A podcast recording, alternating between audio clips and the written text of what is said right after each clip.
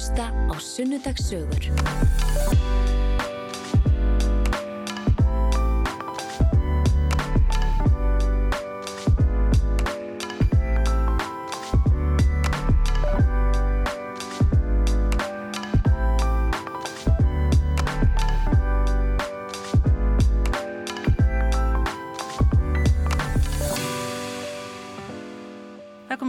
Í sundarsögur og í dag er það Telma Kristín Kvaran sem er sérfræðingur í ráðningum og einna eigundum intellekta. Velkomin í sundarsögur. Þakka þið fyrir. Eða að byrja aðeins, að hita upp sko intellekta, það er ráðningafyrirtæki.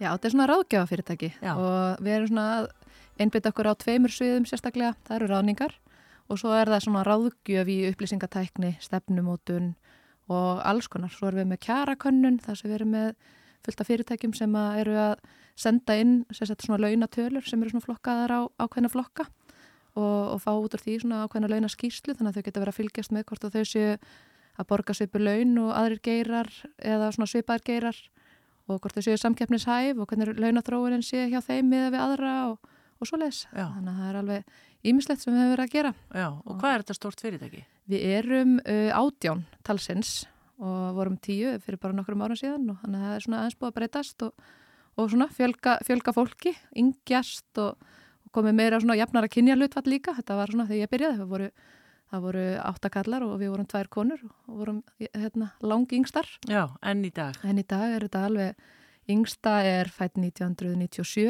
held ég og elsti, ætla hann sé ekki 61 eða tveggja og, og svo er þetta bara svona alveg öll flóran þar á milli og, og kynni hlutvallið að verða svona nokkuð jæmt. Já, og ræðist þú öllu hana? Auðvitað, auðvitað. Nei, nei, ég er bara, hérna, bara svona þáttakandi í þessu öllu saman og, og hérna reyna að skipta mér af og, og stundum ekki. Já, einmitt. En, uh -huh. en hérna, Telma, þú er nú komin til okkar í, í tölt til dæmis í síðdeis útarpið, þau hefum við verið að spyrja út í alls konar svona ráðningamál, en, en nú ætlum við að hafa þetta þessu öðruvísið, við ætlum að kynast hérna konunni, sem sagt, og tölum nú auðvitað starfið þetta eins og eftir, en, en Telma Kristín Kvaran, hvað ertu fætt og uppalinn og hvenar? Ég er fætt áriði 1984 og uppalinn í Garðabæ. Ég bjóð í Hörpulundi í hérna, alveg lengst út í enda við Reykjanesbröðina eða næst Reykjanesbröðinni. Í grónu hverfi? Mjög svo grónu hverfi og í húsi sem mamma og pappi byggðu og ég er sérstaklega yngst þryggja sistra. Nei, já, við erum sérstaklega þrjá sistur. Já og hérna, og svona sérst langingst, við erum það sérst 10 og 20 ára á millokkar. Já. Mm -hmm. Þetta er svona mjög vel skipulegt. Það er enga barn á hverju bara 10 árum. Já, þannig að eins og hérna, elsta sýsteming getur náttúrulega bara verið mamma mín og, og á hérna dætur sem eru, eða dóttur sem er sérst 6 uh, árum yngre en ég. Hvað segir þið? Þannig að Þetta er svona, en, en við, sérst, já, við, erum, við erum að verða núna 40, 50 og 60 ára á næsta ári, já, en, 150 ára.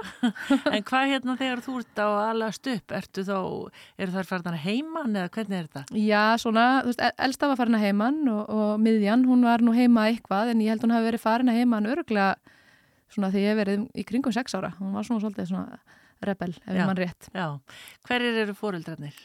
Uh, Kristín og Einar Kvaran sem eru, eða voru, hérna, kaupmenn og sérst, mamma var reyndar á alþingi þegar, þegar ég fættist, þegar hún var álita mér og, og svona fyrstum sinn. Nú, það hefur verið, já, já. þú hefur verið rífandi stolt af því náttúrulega. Þannig að ég hef verið á þingi, hérna, bara í maganum af mömmu. Já.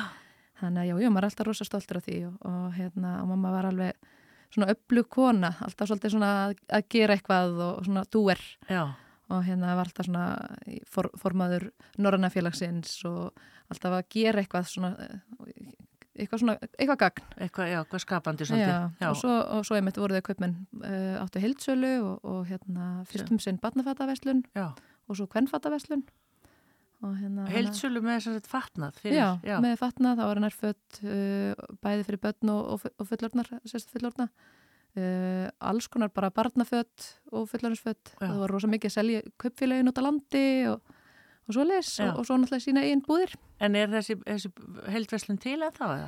Nei, sérstaklega uh, þegar þau fjallu frá þá hérna, já þegar sérst pappi mamma, mamma dó endan og svo dó pappi og, og þá hérna sáttu við uppi með, með heldsölu og hvern fatta vestlun en, en hérna vorum svona, lókuðum hérna heilsvölinni strax og, og rákum svo kvennfattaveslunina í þrjú ár og, og, og lokaðum henni svo. Já, með við vita hvað hún var, búðin? Já, þetta var okkur. hérna Feminine Fashion í Bæjarlind, nægilega við hliðin á Players. Já. Þannig að þetta var svona fött fyrir konur í svona kannski starfum 38 og uppur. Já, já, já. Og bara mjög, mjög gaman að, að, að taka þátt í svo leiðis, en vatnafattaverslunin var sérstaklega með alveg, í, hún var í kringlunni og laugaveginum á sínum tíma. Já, já, já. Þannig, að það er eitthvað kaupmannsblóð í telmu. Já, já, ég er samt alveg góð. Já. en hvað hérna, hvernig stelpa varstu? Heri, já, ég, ég var alveg klárlega mjög virkur krakki og, og svona strákastelpa svolítið. Sóttist alltaf miklu meira í, í félagskap stráka þó ég átti alveg fullt af stelpuvinkunum líka en, en mér fannst svona skemmtilegast að vera í ykkur svona að hafa eitthvað að gera að vera úti að leika, vera úti að spila fókbólta, lögg og bófa ykkur svona rannsókna lögguleikjum þú veist, hafnabólta, eitthvað svo leiðis og hérna þannig að ég svona gæti ekki setja kjur og, og hérna leikið í Barbie eða Dukko og það bara, ég, það dó eitthvað inn í mér. Þannig að það var svona kannski ástæðan fyrir að strákarnir sóttust meira kannski í að umgangast mig og, og, og þetta stelpunar komu með líka þegar hérna, það er nendu. Já, en varstu þá í boltanum eða? Nei, ég nefnilega uh, var, aldrei, var aldrei þessi kvartning að, að vera í íþróttum svona þannig. Ég fór alveg og prófaði allt saman, prófaði að æfa handbolta og fóbolta og, og hérna var svona kannski lengst af í frjálsum en, hérna, en tónlistin var svona átt í hugminn og það var svona svolítið verið að íta mér alltaf út í það miklu meira Já, lærður þú hérna, þá hljóðfæri? Já, og ég held að það hafa vel verið gott fyrir mig þó að ég held að uh, ég hefði gott að líka vera dugleir í íþróttunum að því að það er bara svona losa þessa orku sem maður hafði og, og þegar maður er að æfa hljóðfæri eða eitthvað svoleiðist það þarf svo mikið aga og þarf svo mikið að sitja við og, og innbytta þér og það bara átti ekkert sérstaklega vel við mig en, en, en emitt og góður lærdómur að, að, að þurfa að gera það Já. og hérna ég lærði á piano í nokkur ár og og fyðlu eitthvað aðeins en svo var ég lengst af í söng Já. þannig ég var sérst að tekin inn ég var, hafði alltaf verið í kórum og, og svo ég, fór ég svona intökupróf í tónlistaskólan í Garðabæ þegar ég verið eitthvað í kringum 13 ára og var sérst yngsta manneskjan sem var tekin inn í söngnumið og Og í klassíst, óperusönga eða svona? Já, þetta var sagt, svona, þannig séð, svona klassíst söngnám en ég var aldrei einhvern veginn með svona, hérna, þessa óperu rött það bara hendaði mér ekki og það var ekki minn stíl en, en bara samt svona rattbeitingin og, og allt svona bara bara söngurinn sjálfur syngja klassísk lög veist, það bara hendaði mér rosalega vel. Mér leiði rosalega vel og, og þetta var svona mikið áhuga mál Já, og ertu myndur að segja í dag ertu bara góð sönguna eða? Já, já, ég get alveg, ég get alveg sungið já. en ég, ég geri það helst ekki það er eitthvað svona, gerðist eitthvað í mér. Hvað segir þið? Ég var svona í kringum tvítugt þegar ég hætti í söngnámi. Ég, eða hvort, jú, öruglega ég var, hef verið svona komin á loka ár nema að þá kom í ljós að ég átti eftir svolítið af hliðarfögum. Þessi svona tónheirn og tónfræði og ég var alveg búin að taka eitthvað en, en greinlega ekki nógu mikið og, og ég var þeila svo rosalega fúl að ég hætti. Og mamma og pappi sögði alltaf að ég myndi sjá eftir þessu en og ég, kannski, ég sé ekkit eftir því að ég hef aldrei lagt þetta fyrir mig en, hérna, en ég hef nú samt alveg haft gott að ég bara klára þetta. En já, ég er svona eftir það þá einhvern veginn dróðsaldið úr því að ég væri að koma fram og þá mingar sjálfströstið en ég hef nú alveg sungið svona einhverjum brúðköpum og, og þannig. Ef að fólk byður mig um það þá ger ég það en, en ég er ekkert að sækjast eftir því. Nei, En þið finnst gaman að syngja Já, já, já, ég er alveg syng fyrir mig og, og þú veist, vinkonur, dóttur minnar segja reglulega, hvað mamma, þið syngur vel þá stáður ég bara eitthvað niður í að taka til og að syngja Þannig, hérna, ég... Þú ert svo ungtelma sko að, mm. að mhm. þú geti þess vegna bara hérna tekið upp þráðin aftur Hver veit sko Röttin er náttúrulega bara svo auðvitað mismunandi hvað við höldum henni en, Já, en... já, já ég, ég held að ég hefa nú að, maður það náttúrulega halda sér við bara en, en Já, já, já, hver veit, kannski fyrir ykkur tíma í kór eða eitthvað. Ég er endar, mæti nú einu sinni í mánuði í kór til hennar Guðrunar árnýjar. Já, já, já. Það er alveg geggjað. Já, svona syngja. Það er svona singalong, það er bara geggjað. Já, er, og einhver tíma sagði einhver, nú það syngur ekki reyður maður. Mm. Það er ekki hægt að vera reyður þegar maður syngur. Það er alveg rétt. Já, en þetta er svona svolítið, hvað ég segja, Telma, þú ert svona svolítið tvíklófinana með strákastelpa, mm -hmm. en mhm. svo ferðu út í þetta, eða syngja. Og verið kjól upp á sviði það var eitthvað. Já, verið hérna það hefur ekki verið svona steftin í eitt form Nei, en ég held nefnilega mitt að þetta var, þetta var svona þrýstingur frá fóreldrum og mamma var alveg rosa mikið að sjá til þess að ég færi þá leið. Hérna, en ég held alveg ef ég hefði haft valið meira, þú veist ef ég hefði verið bara, já, nú máttu bara ráða hérna, þá hefði ég ábyggilega verið, verið meira í svona því sem að losar svona meiri hreyfi orku Já. Og hérna, eða hefði vilja kannski sinnaði betur samhliða. En voru þau klassist eitthvað svona bara áhuga fólk eða? Pappina mömmu, sérst afi, hafði verið í, í tónlistinni eitthvað sko, en, en hérna þannig ég held að þetta hafi verið eitthvað svona blundarsóldi í mömmu að hérna langa hún var ekkert að syngja sjálf en ég held að hann hafi alltaf langað að kunna syngja og, og svo les þannig að en, já, já, en ég er náttúrulega sé ekkert eftir þessu, þetta er bara æðislegt og góð, góð hérna góð upplifun og, og hérna, góða minningar líka að hafa verið í þessu. Þetta hjálpa manni að koma fram og styrkir mann alveg svakalega já. svona sjálfströstið Já, og svo öndun og allt þetta sem fylgir. saman sko. En hvað hérna, hva, skólagangan þá í Garðabæ og, og fóst í, varstu þar í mentó? Já, ég sest, ég fór í Flataskóla og svo Garðaskóla og svo í Fjölbrötturskólan í Garðabæ. Var þar á Málabraut og þar var ég, ég getur kannski ekki sagt að ég hafi verið besti námsmaðurinn, ég var, ég var með hérna, lesblindu, greint með lesblindu í sjönda bekk þegar ég fjall á hérna, samrændu prófi í, í starfræði eða einhverju prófi. Já. og þá sérst fer ég þessa lesblindu greiningu og, og hérna Og er það með tölur eða? Já, ég, það, í rauninni samt ekki, sko, þetta var þeir bara mátu þetta sem svo. Ég væri með lesblindu, ég hef alltaf verið með fullkomna fullkomna hérna, stafsetningu og og líklega voru það tölurnar en, en svo, svo svona setni árum þá var ég greint með hérna ADHD og ég tengi miklu meir, meira við það að því að villutnar sem ég var að gera voru kannski ekki að ég væri að, að svona svissa tölum heldur var bara að ég var svo fljótfær Já.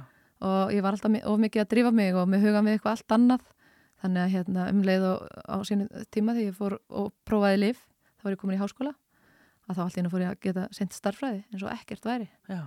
En hvað gerist þannig að þú fellur hann í starfræðinni og, og kemur í ljós og þú er lesblind? Fer þá bara eitthvað kerfi í ganga? Já, jú, og kannski er það einmitt, maður er heppin að vera með, hérna, sagt, vera svona halvpartin engabann, að foreldrarnir tóku bara vel utanum mann og, og, og börðust svolítið fyrir því að ég fengi aðstóð og hérna, þannig ég var komin í enga tími í starfræði og það var búið að semja um einhvern lengri próftíma og enga stofu í próf og sem að ég held að ummitt hafi hjálpað mér svo mikið að því að ummitt vitandi að ég sé með ADHD í dag mm. að þá var rosalega gott að vera ekki alltaf að fylgjast með öllum hinnum hvað hinni voru að gera og þessi var farin út úr prófinu og, og hérna þá fór maður að drífa sig á mikið og, þannig að þetta hjálpaði rosa mikið og, og, en mamma og pappi, e, þetta er alveg bara aldáðanavert hvað þau hjálpaði mér mikið að þau þess að ég átti náttúrulega líka alveg bara leskilningurinn og þú veist bara lesa og muna, það var mjög erfitt og sérstaklega eitthvað, þetta var eitthvað mjög leðilegt þá hjálpuðum mér og lásum þetta saman glósuðum upp úr námsefninu og að því ég myndi alla söngteksta sem að bara öll lög sem ég heyrði, þú veist ég læriði þau strax að þá byggum við oft til bara teksta eða ljóð upp úr glósunum. Og svo bara læriði ég það. Já. og ég bara mætti í prófið og ég skrifaði þetta bara aftan á prófið. Já, og, og það hjálpaði rosalega mikið. Já Hérna, þá myndur þú. Já. Já. Það var árið 470 og eitthvað svona. Sko. Já, ég er að ímynda mér þetta. Já, þetta var bara alveg, alveg geggja.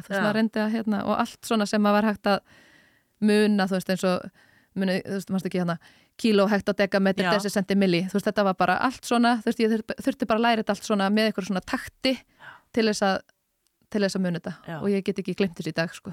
Ég hef náttúrulega aldrei skilið svona utanbaka og lært om. Ég held að hann einhvern veginn bara skilið ykkur. Fyrir mig var bara ekki annað hægt sko, Nei. ég bara varða að reyna. Já. En hvað hérna, þannig að þú ert í FG þá líka? Já, ég var í FG. FG. Já. Já. Mála deild? Já, fór að mála braut og það var einmitt eh, einhvern veginn sem að, veist, ég sá einhvern veginn freka fyrir mér að ég gæti lært það, miklu minni starfræði og bara sjálfströstið svolítið ekki gott hvað það var þar, þannig að ég og ég var alveg ágætt í tungumálum, hafi verið reybrennandi í norsku þegar ég var bara frá því að ég var þryggjára mm. sem sagt lærið norsku þegar ég voru með auper og hérna og, en hafði ekki talað hana lengi þannig að ég gæti samt alveg nýtt þann grunn og, og já, þannig ég lærið þar mitt, dönskuna og, og svo þýsku og frönsku og þú veist, kann ekki kannski því í dag en, en það hjálpaði rosa mikið en svo þegar ég fer í háskólan og fer í viðskiptafræðina þá um mitt, þá satt ég uppi með fullt, fullt, fullt af starfröðu fögunum og þá komst ég bara að því að ég, ég bara gati þetta Já. Þannig að hérna En, en þú ferði úr semst máladeild e, þegar þú útskrifast Já. Varstu þá að hugsa, ég er að fara í viðskiptafræði? Já, það, það var alltaf draumurinn sko að, hérna, ég sá einhvern veginn aldrei fyrir mér að fara að kenna einhver tungumál eða, eða, eða bara kenna nokkurt skapaðan hlut eða fara að þýða eða það var bara ekki, ekki myndinni og svona viðskipta lífi dróð dró mig svolítið að sér og hérna en, en sjálfströftið var kannski ekki alveg nógu gott og ég skráði mig sérst þá í ennsku í HÍ og fór þar og var í eitt ár og var að lesa um Shakespeare og, og einhverja hljóðfræði eða mál, máltækni, þetta var eitthvað alveg hræðilegt og bara, bara held ég myndi degja og, og hérna og það var eiginlega bara svona svolítið bara moment í lífi mínu sem að svona bara breytti lífi mínu. Það var hérna, mamma mín var veik hún var með krabba minn og, og hérna lága hérna líkna deildinni nei já, hérna krabba með deildinni fyrir ekki og, og hérna og hún spurði mig að ég bara ertu ánað í þessu? Og ég bara, þetta er svo leiðilegt. Og hún, og hún sagði bara hættu. Og hún hefur aldrei sagt mér að hætta nokkrum sköpum hlut, bara einhvern veginn alltaf bara, þú bara maður fer í gegnum að klára hlutina sem maður byrjar á. En hún sagði bara, þú, þú hættir. Og það þurfti ekki að segja mig það tvísar ég var hætt, bara samdægurs og hætti í ennskunni og fór bara að vinna og fekk vinnu í, í hérna, banka svona fjárfestingabanka. Og í rauninni var það svolítið svona vann í smá tíma og fór svo í viðskiptafræðina. Og, hérna, og rúlaður að hennu upp bara? Heldur betur, ég bara útskrifast með næst hæstu einhvern í, við útskriftina. Hvað sér? En ertu þarna búin að fá greiningu við ADHD? Já, það var hann rétt fyrir uh, háskólanamið áður en ég byrjaði í sérstu viðskiptafræðinni. Og þá er sko af því dag eru svo margir fullotnir einhvern veginn átt að segja og svo farið greiningu. Já. Þarna kannski ekki? Nei, það er alveg klárlega ekki og ég veit heil ekki, ég er bara svona að reyna að rifja, ég gleymi öllu, þannig að ég svona, ég stundum að reyna að rifja upp hvaða var sem fekk mig til þess að fara í greininguna. En það var eitthvað sem bara ítti mér út í hana því að veist, ég veit ekki hvað það var. Veist, það bara, ég tengdi aldrei við þessa lesblindi veist, það, var, það var ekki það sem var að.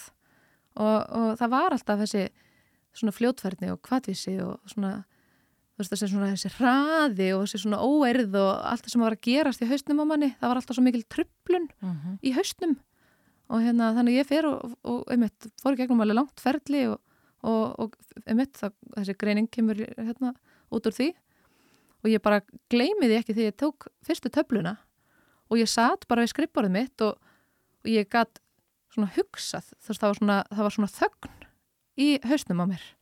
Og það var eiginlega bara alveg, ég var svona bara djúft snortin þess að það var svona kökkur í hálsinn og allt. Já. að því að þarna fann ég bara, vá veist, er, er, er þetta svona fyrir hinna þarna bara náði ég að sitja og hlu, þú veist bara þú veist, vinna og, og, og bara gera þetta Núna, núna hefur maður heyrt sko einmitt svona uh, sögur af þessu en uh, sem eru auðvitað mjög gott vegna þess að sömur eru með fordóma fyrir þessu. Hvað er þetta? Þurfa nú allir að fara að lifa og svona? Allir með ADHD. Já, hvað já. segir Telma við því? Ég segi bara að hérna, auðvitað náttúrulega er ekki allir með ADHD og, og, en ég held að þetta er búið að breytast svo mikið. Þú veist bara, við erum búin að læra svo mikið á þessum tíma. Ég minna á sínu tíma, þá var enginn að fá ADHD greiningu. Við vorum að fá vittlisar greiningar sömur fengur bara, ekki einu svona greiningu fengur bara að vita að þeir voru bara heimskir. Gæti ekki lært. Óþekkir, Óþekkir, já. Og hérna, þannig ég held að það séu miklu fleiri sem hafi verið með ADHD á sínu tíma en bara fengu ekki greiningu og, og, og fóru í hérna vittlust átt í lífinu. Eins og maður, nei bróður mannsins hann er, hann sem sagt hérna, náttúrulega bara alltaf óþekkasti krakkinn í, í skólanum og, og alltaf að lenda upp á kant og að gera eitthvað af sér og sendur svo í heimaðistaskóla og, og, hérna, og svo leiðist hann bara út í rugglið og, og bara því miður fallin frá og 33 ára gammal og hérna og ég held að í alvörinu ef, að, ef að við hefðum vitað það sem við vitum í dag og hann hefði fengið viðigandi aðstóð og fengið farið á líf þegar hann var ungur að þá væri hann ábyggilega á miklu betri stað í dag. Já, en hvað sögðu til dæmis bara fóreldræðinir þegar þú farið þessa greiningu? Þau, þau eru þá ekki... Nei, þau voru dáin þá. Þau voru dáin mm -hmm. þá. Já. Þannig en þau reyndu sitt besta og vissu já, kannski ekki já, betur. Já. Og ég meina bara stuttu mig, ég, meina, ég hefði ekki komist í gegnum námið eins vel og mér, mér tókst þetta nema með þeirra aðstóð. Emmitt. Og hérna þau, það var oft sem ég hugsaði að ég væri til að hætta í, í FG en þau meðleguðu mér ekki að hætta, hætta þar sem Nei. betur fyrr Nei. En hérna, hva, hvað ertu gömul þegar mamma en deyr? Um, hún dó árið 2007 þannig ég verið 23 22-23 ára eitthvað svo les Hvernig er einslega það? Uh, hún sem sagt greinist með krabba minn í ágúst 2007 og, og er bara dáin hérna tvei mánum síðar og fekk sérstaklega krabba minn í brísið og í rauninni ég held að sé svona aðdraðandin sé aðeins lengri, hún fór til útlanda, fór til Tyrklands í held ég april eða mæ sama ár og fórum við vinafólki og, og svo allt í hennu bara fær hún svo rosalega mikla verki aftan í bakið held ég. Og hérna og er bara löðin að spítala, gjörsamlega kvalinn og bara liggur þar með morfín í æð og alveg að drepast og er, kemur svo heim og svo einhvern veginn virðist það að lagast og, og allt í góðu nema svo tekur þetta sér upp aftur og það finnst þess að minnverfi hérna lifur hjá henni. Og, og svo, svo síðar hérna finnst briskrabba mennið eftir í rauninni svolítinn tíma, hún lág í rauninni fyrstu minnir tvær vikurnar bara inn á, inn á spítala bara með morfin í æð og það var valla hægt að tala við hana. Svona hálf rænulegs wow. og hérna að því að hún var bara búin að vera svo kvalinn þannig að þegar, finnur, þegar þetta finnst þá er hægt að hefja meðferð. Var, fór í eina, eina lifja meðferð og í raunin held ég bara af því að við grátt báðum um það. Okkur fannst hérna læknarni vera svolítið fljóttir að gefast upp. Þeir gáði henni sérst 29 mánuði og hérna að þetta var bara það langt gengið en þannig ég held hún að við farið þessa meðferð fyrir okkur þessa einu lifja gef en, en það hefði bara ekkert að segja. Hún var bara dáin eftir tvo mánuði på dag. Mm. Og þannig ertu bara ung uh, Krakkaraskat, 22-23 ára eitthvað svo leiðis og balleis Já, en hvað, fegstu hjálp? Nei, já, þú veist, ekki ynga svona formlega hjálp ég, sem betur verið var tiltölu nýlega búin að kynnast manninu mínum sagt, sem er núna maðurinn minn Hann heitir? Hann heitir Yngvar Jónsson og við sagt, byrjuðum saman 30. júni 2007 þegar bara á 30. sammælinu hans kynntist þar Uh, en þannig að við sérstætt, já, vorum bara til dælu að nýlega byrja sama þegar hún greinist með krabbamenni og, og þá þá er rauninni bara og svona þegar að eftir að hún var komin tilbaka eftir svona þess að þetta livja mók að þá fór hún svolítið að passa upp á að hann væri með. Hún, einhvern veginn tók hann bara strax sem þú veist, mínum svona kærasta og bara tók hann inn í fjölskyldina sem að voru rosa skrítið því hún hafði aldrei gert svo leiðis við kærast á hvað þá eitthvað sem var búin að vera með mér nokkra vikur. Já. og hérna þannig að hún við fórum saman og, og fórum í svona fjölskyldaferð á hótel, hótel Heklu öll fjölskyldan, sýstur og, makar og börn og allt. Áttum þar goða stund með mömu og, og hann fór með. Og svo sagt, var fjölskyldumynd að taka þetta svo klikkað sko. Vorum búin saman í þú veist þrjá, þrjá hálf mánuð. Og mamma bara, nei, heyri, hann er með þannig að hann var með á, á fjölskyldumyndatökunni bara með stór fjölskyldinni en Guði sílofa, við erum ennþá saman hann, hann eðilega ekki myndina. Og hérna, en hún var sérst bara dáin tveim vikun síðar og, og, hafði, og hann var sérst kistuberi þannig að hérna, þetta var bara eitthvað svona meant to be og hún greinlega vissi það. Já, þannig að hjálpina, því ég spyrum hjálpina þá, er, þá var þetta ná, auðvitað gríðalöstuðin ykkur að hafa Já, hann. það hjálpaði rosa mikið, Já. við byggum heima hjá pappa þegar sérst, hann, hann er einnig bara flytur inn til pappa með okkur.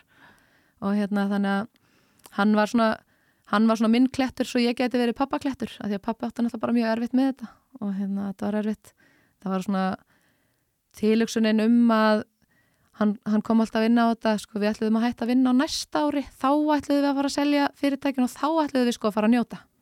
Þegar þú, þegar þú ert í verslunarekstri og svona með, með svona mikið umfang að þá ert ekkert að hafa tíma til þess að njóta lífsins. Utanlandsferðirnar eru verslunaferðir, þá ert að fara til Danmarkur og Bella Center að, að velja eitthvað fyrir næsta sísón sko.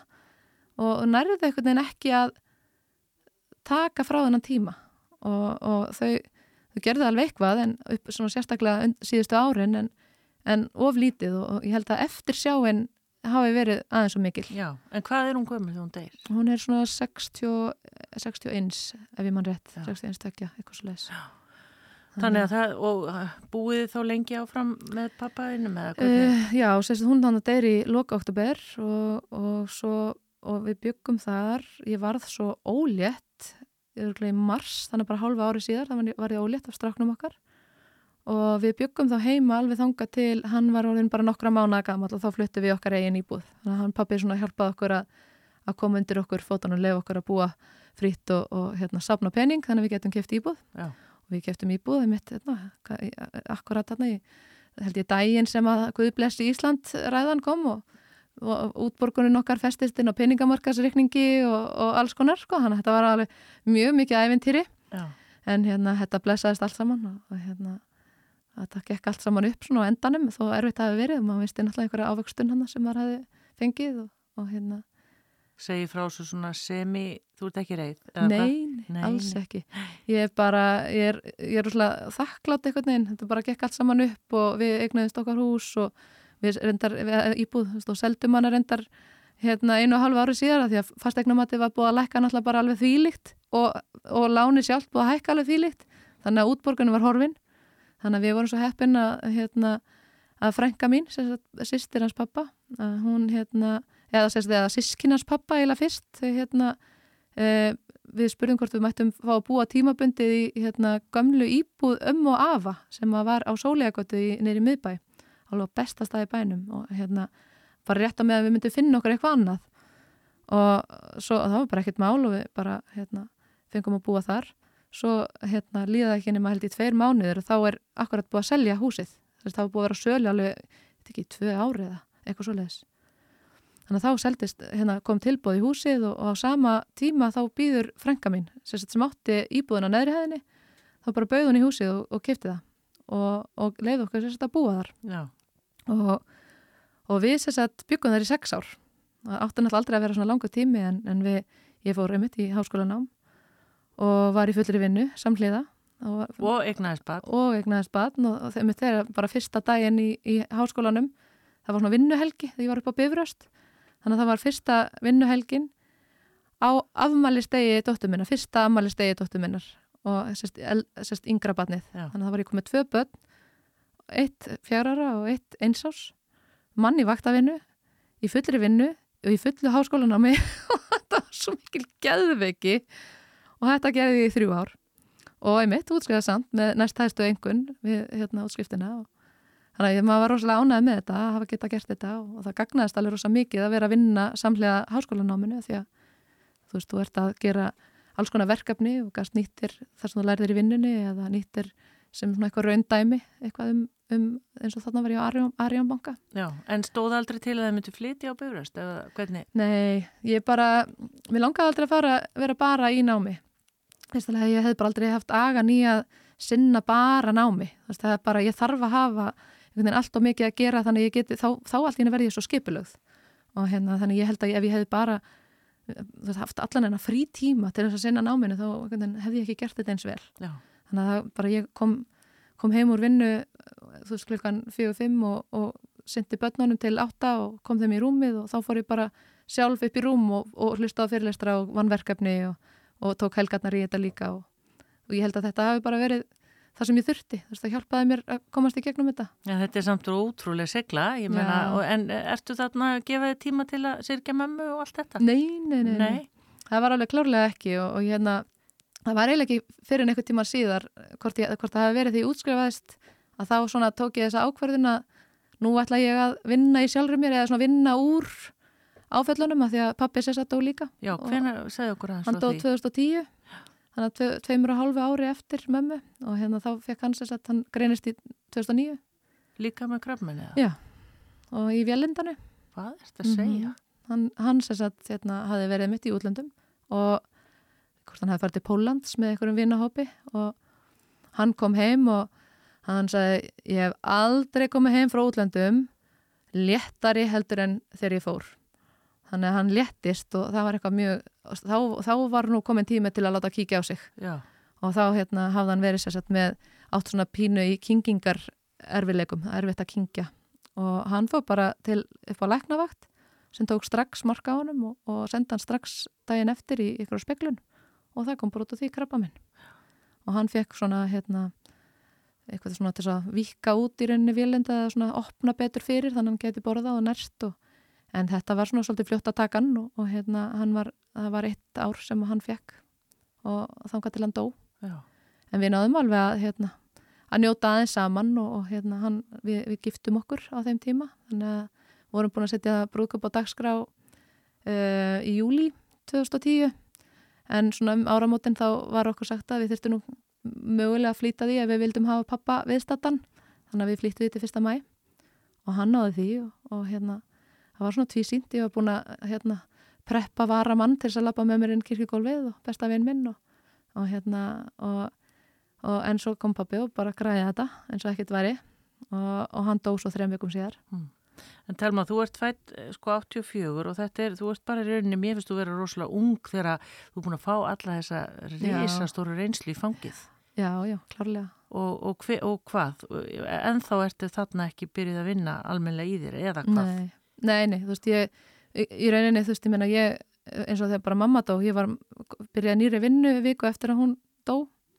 Og bara, þú veist, sjómast góðan, þú veist, einhvern veginn, það var aldrei neitt svona sem að tóku utanum aðstandendur, þó að, einmitt, það er ekkert svo langt síðan en, en ég bara fór að vinna og, og bara, maður þurfti bara að gera það og svo kom maður heim og var leiður og, og saknaði mömmu en, en það var einhvern veginn var ekkert það var ekki svona einhvern veginn þessu umræða. síðan einhvern veginn allt fóri af stað. Já, þetta er ótrúlega sérstakt og já. svo eins og þetta var pappit og ég menna þetta var bara þetta var bara versta lífsreynsla sem ég hef bara upplifað sko því að þegar þú ert með hérna vélindakrabba minn að þá í rauninni svona endanum hálfpartin kapnaru sko og hérna að horfa upp á þú veist pappa sinn fara þannig sko þetta er ekkit svona fall, þú sopnar ekki bara og, og hérna svona friðsvælum söfni eins og mamma sko heldur hérna heldur svona, já, þetta er svona ljó, ljótur eða svona, ekki góð upplifin erfiður, erfiður döðdagi og hérna þannig að það er svona það var svona kannski það sem ég átti alltaf verfiðast með að, að komast í gegnum og hérna ég held ég að upplifa svolítið svona áfallastreyti röskun sko, maður lokaði,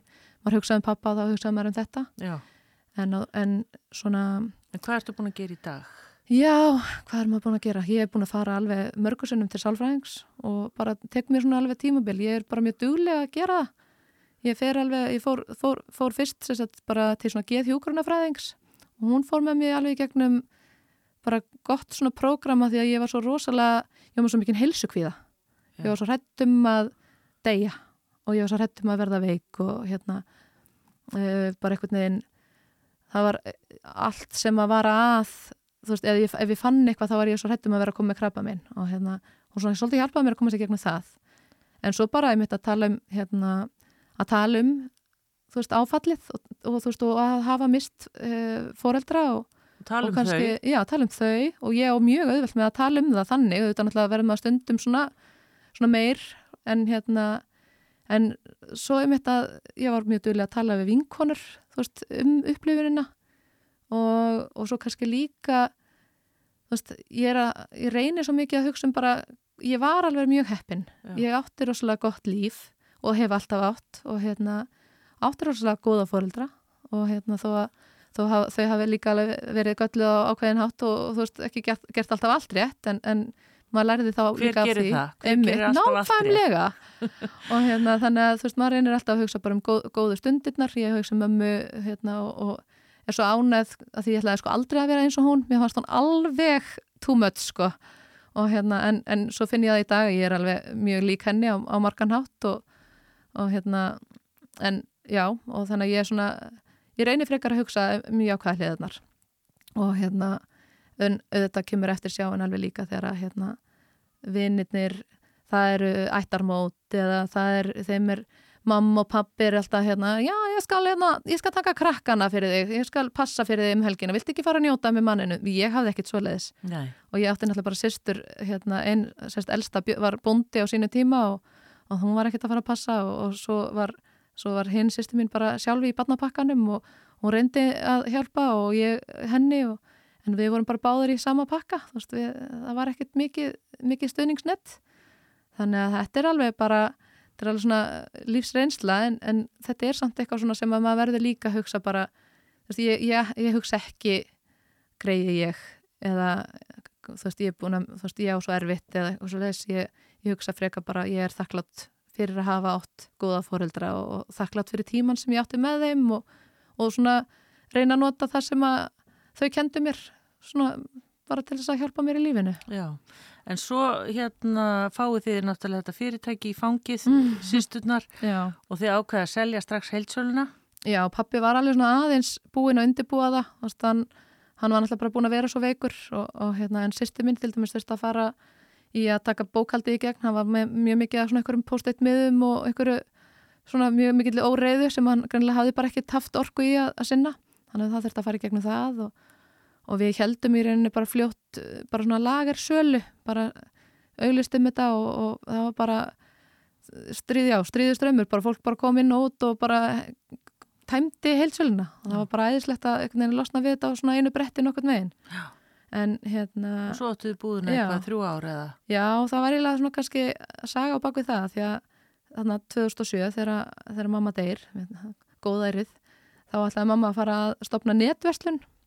Og hún fer út og alveg bara hvort það hefur verið í februar 2007 og alveg bara rosalega einhvern veginn peppuð í þetta og, og, og verslaði svona miklu meira heldur en oft áður, þú veist, það var svona alveg meira magn að því hún sá fyrir sér að það er þessu miklu meiri sala. Svo náttúrulega bara veikist hún og, og áherslan á eitthvað svona netverslun hún náttúrulega bara fer, já, fer eitthvað annað og það bara verður aldrei. Svo hérna þannig að þegar hún deyr þá náttúrulega sitjum við upp bara uppi með risastóran lager. Þannig að annarkort var að þú veist, við gátum ekki selt það var alltaf kom svo hrun bara einhverju ári síðar.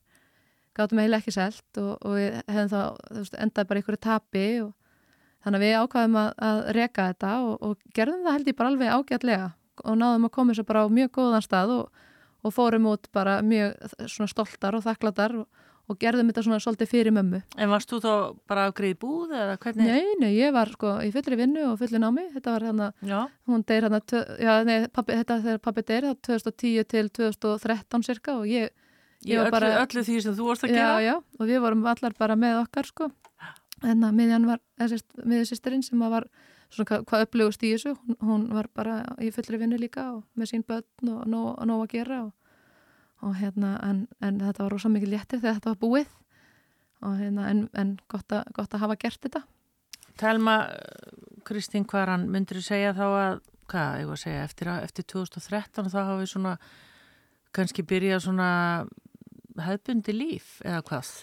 Já, ég útskrifaðist úr áskólanum 2015 þannig að svona, þá fyrst náði ég aðeins að slaka á, tók mér eitt ár. Ég byrjaði reyndir nýri vinnu þá byrjaði að vinna sér ekstra stjóri hjá reyfingu og, og hérna þannig að fekk svona aðlast stjórnunar einsli, hafði, hafði fengið einhverja smá áður og, og fekk aðeins meiri þarna. Og var í eitt ár að gera ekki neitt annað en að vinna og senna börnum og manni. Ekki skóla og ekki, ekki að standa í veikindu fóreldra og ekki neitt, ekki neitt en svo bara skráði mig mastersnám og, og sendi því líka samhliða vinnu. Á Bifröst líka eða? Nei, það var í Háskóla Íslands í mannustjórnun og ég tók, þetta voru þri, já, ég held ég við tekið þetta á þremur önnum, eitthvað svo les og svona kannski 80% nám já. En okkur langaði þið að fara í það? Svona mannöðsmál? Ég fann það bara í, í viðskiptafræðinni að stjórnuna tengdu fögin áttu betur við mig mér svona tengdi mér að við það ég, bara svona svona dæmi ég var í, bara vann með skóla svona í batna, nei, hérna fjölbraut og, og svo les uh, þá vann ég í rúmfattalæðurnum Jösk Jösk, emitt og ég bara til dæmis mæli bara mjög mikið með því bara að byrja að vinna í rúmfattalæðurnum þetta var, kendi manni rosa mikið, sérstaklega á sínu tíma sko, það var þetta miklu meira aksjón heldur, nú er þetta svo, svo fancy. Já. og hérna en, en þar var einhvern veginn, maður fekk alltaf meiri ábyrð þar, ég var svo oft þú veist, maður kom að vera að vinna eitt sömari, þá var ég sett í stöðu þjónustustjóra og það sá um allt vaktaskipulag og allt svo leiðis og svo þegar ég hætti í, náminu þá fór ég, var ég að deildastjóri og þú veist þannig að maður var alltaf fengin, maður, maður var alltaf falin ábyrð og sama eins og þegar ég byrjaði í Arjónbanka þá var ég fljótt að vinna mig upp í hópstjórastöðu. Þú veist þannig að maður, það var eitthvað svona leðtóa element í manni. Þannig að mér fannst það svona líka beinast við að fara í mannustjórnun mm. og, og tengdi bara rosa vel, mikið við það. Og mér fannst geggjað að vera í því námi samhliða stjórnunastarfi og það hjálpaði mér mjög mikið bæði í starfinu og svo bara í náminu. Já.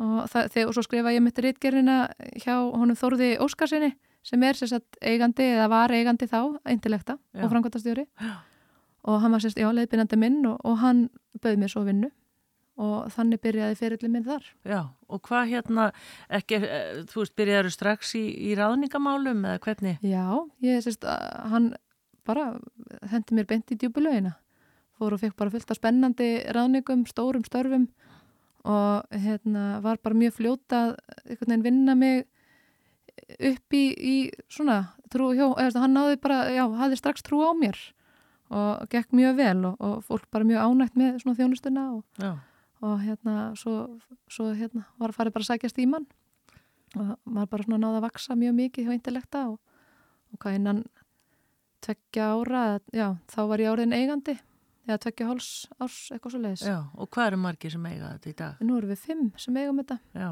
og þeir voru fjórir eigandur og á, á sínu tíma þegar ég kem inn að þá, þá fer einn út og, og við komum þrjúinn þannig að þá vorum við sex en nú erum við fimm í dag Já.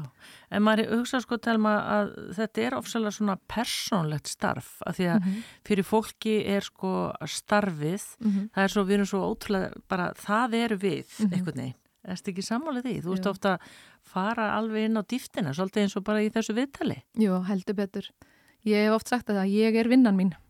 Ég, einhvern veginn, ég er alltaf í vinnunni. Ég, ekki það að ég sé alltaf bara á skrifstofun en það er einhvern veginn partur, partur af mér er einhvern veginn alltaf að tengja. Þú veist ég þarf svo rosalega mikið að vera að tengjast fólki. Ég er alltaf að spotta upplugt fólk þannig að oft þegar ég fer og ég fór í hérna var í hlaupanámskeiði svona út í hlaup og var að spjalla við þjálfaran hann var svona hlaupa við hliðina mér og ég fór að spyrja hann og hann sagðist vera byggingaverkfræðingur og og fyrsta sem ég dætti í hug var bara, heyri, nú ert eitthvað ekki í kringu þig.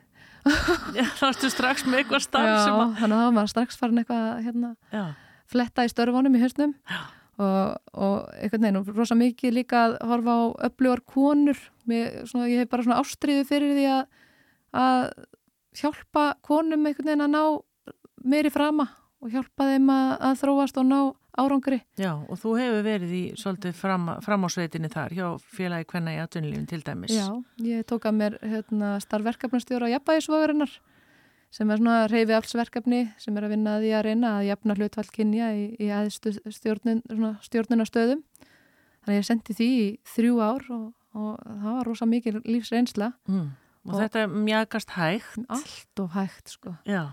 Manni finnst þetta einhvern veginn mann líður eins og þetta sé að ganga betur en þetta raunverulega er. Það er, þetta er að ganga bara svo rosalega hægt. Við þurfum að, sko fjöldi nýjir aðninga svona hvenna þarf að aukast ansið mikið til þess að markmiðum jafnvægisvoran verði nátt árið 2027 en, en það er alveg ljóst að það, verð, það gerist ekki, við náum ekki að jafna hlutfallið fyrir þann tíma. Nei, og við höfum einmitt áður fengið til dæmis í viðtal hérna eins og ég nefndi hann í sýtiðsúttarpnu þegar að við sko bara hvað er það hjá ykkur á ráðningastöðinu, auðvitað vonum við að það sé alltaf þannig að hæfast einstaklingun er ráðinn, mm -hmm. en ég menna þú veist, af hverju eru konunar ekki þarna? Einmitt. Stort er ah, spurt. Það er nefnilega einmitt, þegar stort er spurt. Það er alveg margt held ég sem að spilar inn í um, konur eru kannski ekki einstöðlegar og kallar að sækjum stóru störfin. Það þarf að breytast og það er oft talað um að konur kannski sækja ekki um störfin nema það eru uppfylli allar kröfunar bara tekið öll bóksinn bara hættum, hættum að spáði því. Þú veist, bara, hérna, það gerist ekkert þegar þú sækir ekki um. Þannig að við hérna, þessar mentunar hefnus kröfur, þú standi kröfur þá, þá er þetta í mörgum tilfellum líka bara við mið og, og oft verið að leita að einhverjum x-faktor sem er líka. Þannig að þú ert kannski með aðeins minni reynslu heldur en kallin en hefur einhverja hérna, hæfileika eða eitthvað svona element að þá ert alveg mögulega bara að hæfari en hann. Já. og það er bara svona já, konur þurfa bara að hafa meiri trú á sjálfum sér. Ég finn það líka í viðtölum að ég þarf ofta að svona draga meiri upplýsingar út úr konunum. Þar eru kannski ekki eins duglegar og öflugar að selja sig. Það er svona að segja um, svona, svona heiðurinn af ykkur það er eru rosa mikið bara svona halda hlutunum hjá sér, ekkert vera að gera eitthvað of mikið úr þessu þó ég hafi staðið mér rosa vel og náð öllum þessum árangri og, og hérna meðan að kallin er miklu dugleiri að vera, já ég er alveg búin að hérna umturna öllu og bara því líkur árangur og allar þessar prósendu tölur sem það nefna og veist miklu svona, svona me meira sjálfströst. Já, heyriði þetta konur hann úti. Uh, en hérna, eru þær kannski, eru konur hrættari við höfnun? Ég veit það ekki. Ég held að konur séu hrættari við, ég held að við séum áhættufælnari. Þannig að hérna, mögulega er það uh, að standa í frontinum. Að það eru kannski ekki allar konur tilbúnar í það eða, eða bara kannski vilja ekki allar konur vera, þú veist, með öll völdin, þú veist, vera hérna efst í skipiritinu. En ég held samt að séu fleiri heldur en er að sækjum sem eru til í þetta. En er, ég held að sé ekki endilega höfnunin. Ég held að veist, við, við megum ekki vera alltaf að hugsa um að þessi erfitt að fá höfnun. Við erum að líka bara að læra og gera betur næst. Já, en hvað hérna, þú segist alltaf verið í vinnunni, sko, hvernig virkar þetta þarna út á agrinum þegar að verða, sagt, af því stundum hefur maður líka tilfinningunni að það er verið að auglýsa hérna einhver stór og spennandi störf mm. og svo er einhvern veginn alltaf sagt, já það var löngu búið að ákveða að þessi myndi fá og svo les. Hverju svarar við því? Ég sé það nú sjálfnast. Mér finnst eiginlega, ég held að ef fólk er að leita til ráðningarstofu með ráðningar að þá er raunverulegu vilji til þess að, að ráða einhverja öfluga mannesku og, og ég hef sjálfnast upplifað að það sé einhver svona fyrirfram ákveðin í starfið. E, mögulega gerist það eitthvað tíman hjá ríkinu, ég veit það ekki, en, en svona enga markanum þá held ég að sé alltaf, alltaf vilji til þess að sjá hvað er að núti og, og gefa fólki tækifæri. Já, getur þú útskilt fyrir okkur telma þegar ég er svo spennt að heyra sko bara hvernig þetta gengur fyrir sig, gefum okkur það bara stór fyrirtæki auglísir eftir frangatastjóra mm -hmm. og það eru kannski 20 sem sækjum eða 40 mhm. eða eitthvað. Hvað gerist svo? Hvað, hvernig, hvernig virkar þetta? Já. Það er kannski ekki 20 sem sækjum það er alltaf fleiri. Já, 80 Já. Og þá í rauninni fer bara okkar ferli í gang. Oftast er við að taka þá svona forvitöl þá svona síum við út þá sem að við teljum að að séu kannski sterkastir, svona aðeins lengri hóp, svona lengri listi heldur en við hefum tekið með kunnanum uh, og svo kynnu við þá umsækjendur og náttúrulega alla umsækjendur fyrir kunnanum, við, við komandi hefur alltaf aðgangað umsóknum. En við svona segjum bara hvað kom út úr, út úr viðtölunum og af hverju við svona, komum með raukstöðning af hverju við teljum að þessir ættu að fara áfram í viðtal með við, hana, kunnanum ef að kunnin var búin að spotta eitthvað aðra þá náttúrulega bætu við þeim við En svo förum við bara í, í viðtöl og við tökum hérna viðtöl þar sem að, að við skiltum við með. Ef ég er í viðtali, geðu okkur smámynd að þú verður að spyrja mig Já, bara. Það er bara, við reynum að komast að því, bara hvað starfsreynslu þú hefur og hvað reynslu á stjórnun þú hefur. Við reynum að komast að því hvers konar stjórnandi þú ert, hvað þú leggur áherslu á sem stjórnandi.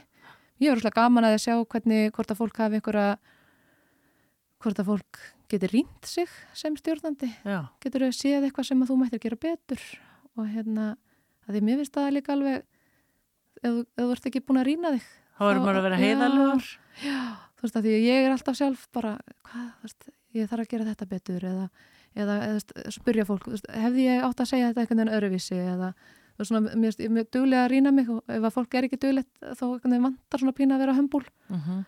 Og já, það er bara svona margt sem við reynum að sjá. Svo bara svona rekstra reynslan, sérstaklega ef þetta er um svona frangatastjóra starf svona hvort að fólk sé stert svona rekstralega, það er ekkit allir veist, allir sem eru svona mannöðs fólk til dæmis, ekkit endil alltaf rekstrar fólk og, og, hérna, og öfugt, þannig að það svona þarf að svona spotta rétta einstaklingin en, en svo kannski er þetta líka oft hérna, einhver svona starfstengt eða svona bransatengt hæfni sem er verið að leitað, fólk kannski þarf að hafa kunnátt á retail eða eða fjárfestingum eða eitthvað svo leis uh -huh. og þá erum við svona að reyna að draga það fram. Hvernig, hvernig þú hvaða hefnið þú hefur þar og mm. reynslu. Þannig að það er alveg rosalega margt Já, og, og svo... En er ekki erfitt, svo heyrim við svo oft nei, ég var ein af tveimur eða eitthvað, mm -hmm. er það ekki erfiðast? Þú þarfst að gera upp á milli. Mér finnst það alveg langerfiðast og, og það, mér finnst það, það mjög leiðilegt alltaf að þetta er alltaf að taka höfnuna símtölinn en það sem ég reynir alltaf að gera er að gefa gott svona, feedback svona gaglega gaggrinni ef að ég hef eitthvað sem að ég get aðstofa fólk með bara fyrir næsta viðtal ef að, hérna, ef að það hefði geta gert eitthvað betur. Stundum er það einmitt þegar maður er með konur að, að þær gáður sér ekki nægilega mikið kredit eða þú veist þær hefðu getað verið svona sagt aðeins betur frá og hérna selt sér aðeins betur. Stundum þar bara svo leiðis og þá kannski tökum við spjall og, og, og, og förum yfir það. Uh -huh. um, þannig að já, þetta er alltaf mjög erfitt og maður er oft með fólk sem er bara búið að leggja svo mikla vinnu í viðtali, það er ekki bara að sækja, sækja um það því það tekur tíma, það tekur tíma að búa til kynningabref og ferilskrá og svo leiðis en svo er, ég meina, hugurinn komin í starfið og svo kemur í viðtal og það er ekki bara þessi klukkutími kannski sem að fer í viðtalið heldur undirbúningurinn og svo hugsa um þetta eftir þetta og, og hlakka til og, og vera spennt. Og svo jáfnveil annað viðtal og það er kannski að leggja fyrir verkefni og það er kannski undirbúa eitthvað, einhverja kynningu og Þetta er bara orðið alveg já, ótrúlega flókið. Þetta er alveg flókið já. og þannig að það er svona, manni, manni líður að lítila fyrir þeirra hönd og, hérna, og maður vill alveg hérna, geta hjálpað. Já, en telma, tekur þú vinnuna með þér heim? Já. Ef þú hefur þurft að segja mér í dag að ég fekk ekki við og ég voru, voru tvö mm. og svo tekur þú símtal við mig klukkan fjögur í dag. Fer það með þér heim um helgina? Nei, kannski ekki um helgina. En þú veist, maður er svona, hérna, manni, manni finnst þetta alltaf, manni finnst þetta alveg leiðilegt og, en, en þetta er svona, þetta, þetta vandist alveg ansi fljótt og, og ég held að það sé mitt að þetta bara gerir þetta vel og, og vera tilbúin til þess að svara spurningum líka. En, en jú, nei, nei, ég tekit ekki þetta með, með mér heim þó mér, ég finn alltaf til með fólki. Já. Hvað hérna, hvað gerur þú telma þegar þú ert að leika þér og þau fjölskyldan og áhuga málinn og svona? Við erum bara, við, ég og maðurum, en við erum mjög duðlega að bara fylgjast með börnunum okkar í, í íþróttunum. Börnunum okkar er bæði að æfa handbalta og fókbalta. Hva, hvað eru þau gömul núna þá? Uh, Dótti mín, hún Kristín, hún er, uh, hún er hann 12 ára og strákurum minn, hann Hafþór, hann er að vera 15. Þannig að þau eru bæði bara að standa sér mjög vel í íþróttunum. Já, búið í Reykjavík? Við búum hérna í 108 Reykjavík, Vikingar. Já og já, þannig að við erum bara rosa mikið að hérna, horfa fókbalta og eða handbalta Sumarið fyrir þetta. Heldur, betur, það er mjög gaman. En, en svo að þessa milli erum við bara duglega hérna, við fyrum á skýði á veturnar og við reynum að ferða svolítið innanlands á sumrin og, og eitthvað svona utanlands líka. Uh, við erum duglega með vinum okkar. Við erum alveg mjög svona góða hérna, gott vinapar sem við erum duglega að gera eitthvað með, borða saman og búið okkur til kokteila og, og ferðast saman. Við vorum að koma frá Gríklandi núna og, og vorum saman í 11 daga, já, bara tvenn tve, hjón. En gaman. Þannig að við, hérna, það er alveg rosalega dýrmætt. Þessi vinkona mín er til dæmis svona bara á svona sama stað í lífinu. Við erum bara hana á framabraut og getum talað saman um allt sem við kemur vinnunni og, og öðru. Já. Þannig að það er svona rosalega gott að, að hérna, hafa svo leiðis fólk. Og, nú, og núna þurfum við ekki lengur að fá eitthvað til að passa eða hvað? Nei, nei, nei. Þetta jújú, jú, við fórum rundar þannig að þegar við fórum núna út í 11 daga, það voru börnin heima og, og við vorum með barnapíu sem sem var heima og sá til þess að við borðuðu og svo leiðis. En hérna, og skuttlaði dóttur minni kannski ef það þurfti eitthvað en En þau sjá svona ansið vel um sig sjálf og eru ofsalega duglega og sjálfstæð. Já. Vöknuðu sjálf og dóttir mín vaknaði bara og fór að lesa 20 mínuturnar sínar og, og kom sér í skólan og, og bara þau komið sér æfingar og svona. Þetta er ekkit mál lengur. Þetta er smá munur frá því þau voru yngri. Dóttir mín var alveg örglægt mest krefjandi bann sem að hefur verið Já, er það? Já. Heldur hún sé kannski með HTHT? Já, hún fekk HTHT greiningu hún Já, hún fekk það? Já, leikskólinn hérna, stakk upp á því Já. og hérna, hún er náttúrulega sko fyrsta lei eins og snitt út úr nössin á mér brútiðslega og karakterlega þannig að það var svo sem kom ekkert óvart og, og hérna, hún var þetta var svolítið svona áhugavert að því hún sóttist alltaf í félagskap yngri krakka og, og var einhvern veginn þá blómstræði hún alltaf svo mikið og ég veit ekki hvort það hefur verið að því hún gata á stjórnaði eða eitthvað Já. og svona fekk það með sér. En, en svo allavega í, í leikskólanum það vor, voru búin að vera að tala um þetta í svolítinn tíma og það fór í gegnum ferli. Og þá kom reyndar tafðist svo mikið að hún var, ekki, hún var komin í annan bekk þegar ferli átt að klárast. Og þá voru hérna hvort er kennarættaninnar þar alveg búin að spotta þetta fyrir löngu síðan og voru bara búin að vera að vinna með þetta, með henni. Hún var, þú veist, þær voru dölir að minna ná að fylgjast með og setja hana stundum fremst þegar það þurfti mikið að innbytta sér og, og svo les og hérna, en hún fór sérst á lifi, byrjaði þriðabekk og það í rauninni bara breytti öllu og þú veist, þá allt henni fór hún að standa sér mitt í starfræði og, og standa sér í náminu og, og svona geta og þá í fyrsta sinn svona byggðun upp almennilegan, raunverulegan vinskap, þú veist, og fór að leika með krökkum sem voru jakamleir hún. Og fór að ganga betur í Íþróttunum þú veist að geta innbeitt sér betur þú veist að og, og sent því sem átt að gera. Hún hafði til dæmis verið að fá sko legstu engun í, í, í Íþróttatíma bara raukt í íþróttum sem var bara ekki hægt. Batnið með þú veist því líka hreyfi og virkni og, og að æfa tvær íþróttir. En Hvað var það þá? Bara því hún var óþæg? náði ekki fyrirmælunum. Já, já. þá var hann bara ekki að hlusta og hún var bara eitthvað starf í allt öðrum heimi. Hún var aldrei óþekk, þannig erst ekki í skóla en, hérna, en hún var bara eitthvað en ekki, haugurinn var aldrei viðstattur, Nei. hann var alltaf bara eitthvað allt annars þar og hérna þannig að þetta hefur alveg hjálpað henni að, svona, að ná að fókusa í skólanum og, og svo er lifin farin úr líkamannum þegar hún kemur heim Ummitt. þannig að þá, þá nær hún að svona já, hreyfa sig í fótboltanum og hafa gaman og hún svona það komið svona góð rútína á þetta núna og það komin í sjönda bekk. En svo er sko umræðan um lif, sko, það er eitt að komast í greiningu, svo kemur byðin og svo eru stundur lifin ekki til og ertu, fylgistu vel með þessar umræðu? Já, en hún, hún við höfum aldrei lendi í neinu hvað það var þar sko. Nei. en ég man samt alveg eftir því þegar hún þegar umræðan um lifin byrjaði sko. Hún nýkom með greiningu og ég var sjálfa að lifjum en þegar vinkona mín er satt í hérna, að spjallaði vinkonirnar og, og einu þeirra hún er sér satt búin að vera að vinna á batna úlinga geðdeild þannig að hún þekkir mjög vel allt sem við kemur svona erfiðum börnum. Og hérna þá sagði hún sagði eitthvað neginn, sagði þetta með eitthvað svona tón hvað ætlar að, ætlar að setja hann að lif og, og ég dætt strax í bara, já, ég veit nú ekki alveg sko, ég er ekki alveg búin að hugsa þetta sko. Og hérna, þá sagði hún ef ég má segja eitthvað eitt og ég skal svo ekki segja meir. Lif, bjarga mannslífum. Og hérna sagði, þá sagði hún einmitt þetta að, veist, bara ímyndum okkur ef að bróðið mannsins mín hefði farið á lif veist, þá hefði mögulega bara farið ykkur allt aðra leið í lífinu því að veist, þetta, þetta hjálpar, þetta er bara eitthvað svona eins og bútur sem vantar í líku við heilan á manni og bara svona bara pústlið og um leið og það er komið þá fer, fer alltaf að fungera betur og maður svona veginn fer að já, bara gera það sem maður átt, þú veist, það er bara svona eins og eins og ég mér, þú veist, í, í lesmyndugreiningunni var ég greind með frekar háa greindavísitölu en samt gekk mér alltaf svo rosa illa í skóla og svo þegar ég fór að lifin að þá einhvern veginn fór ég að virka eins og matið var Já. Æ, þetta er svona, Já.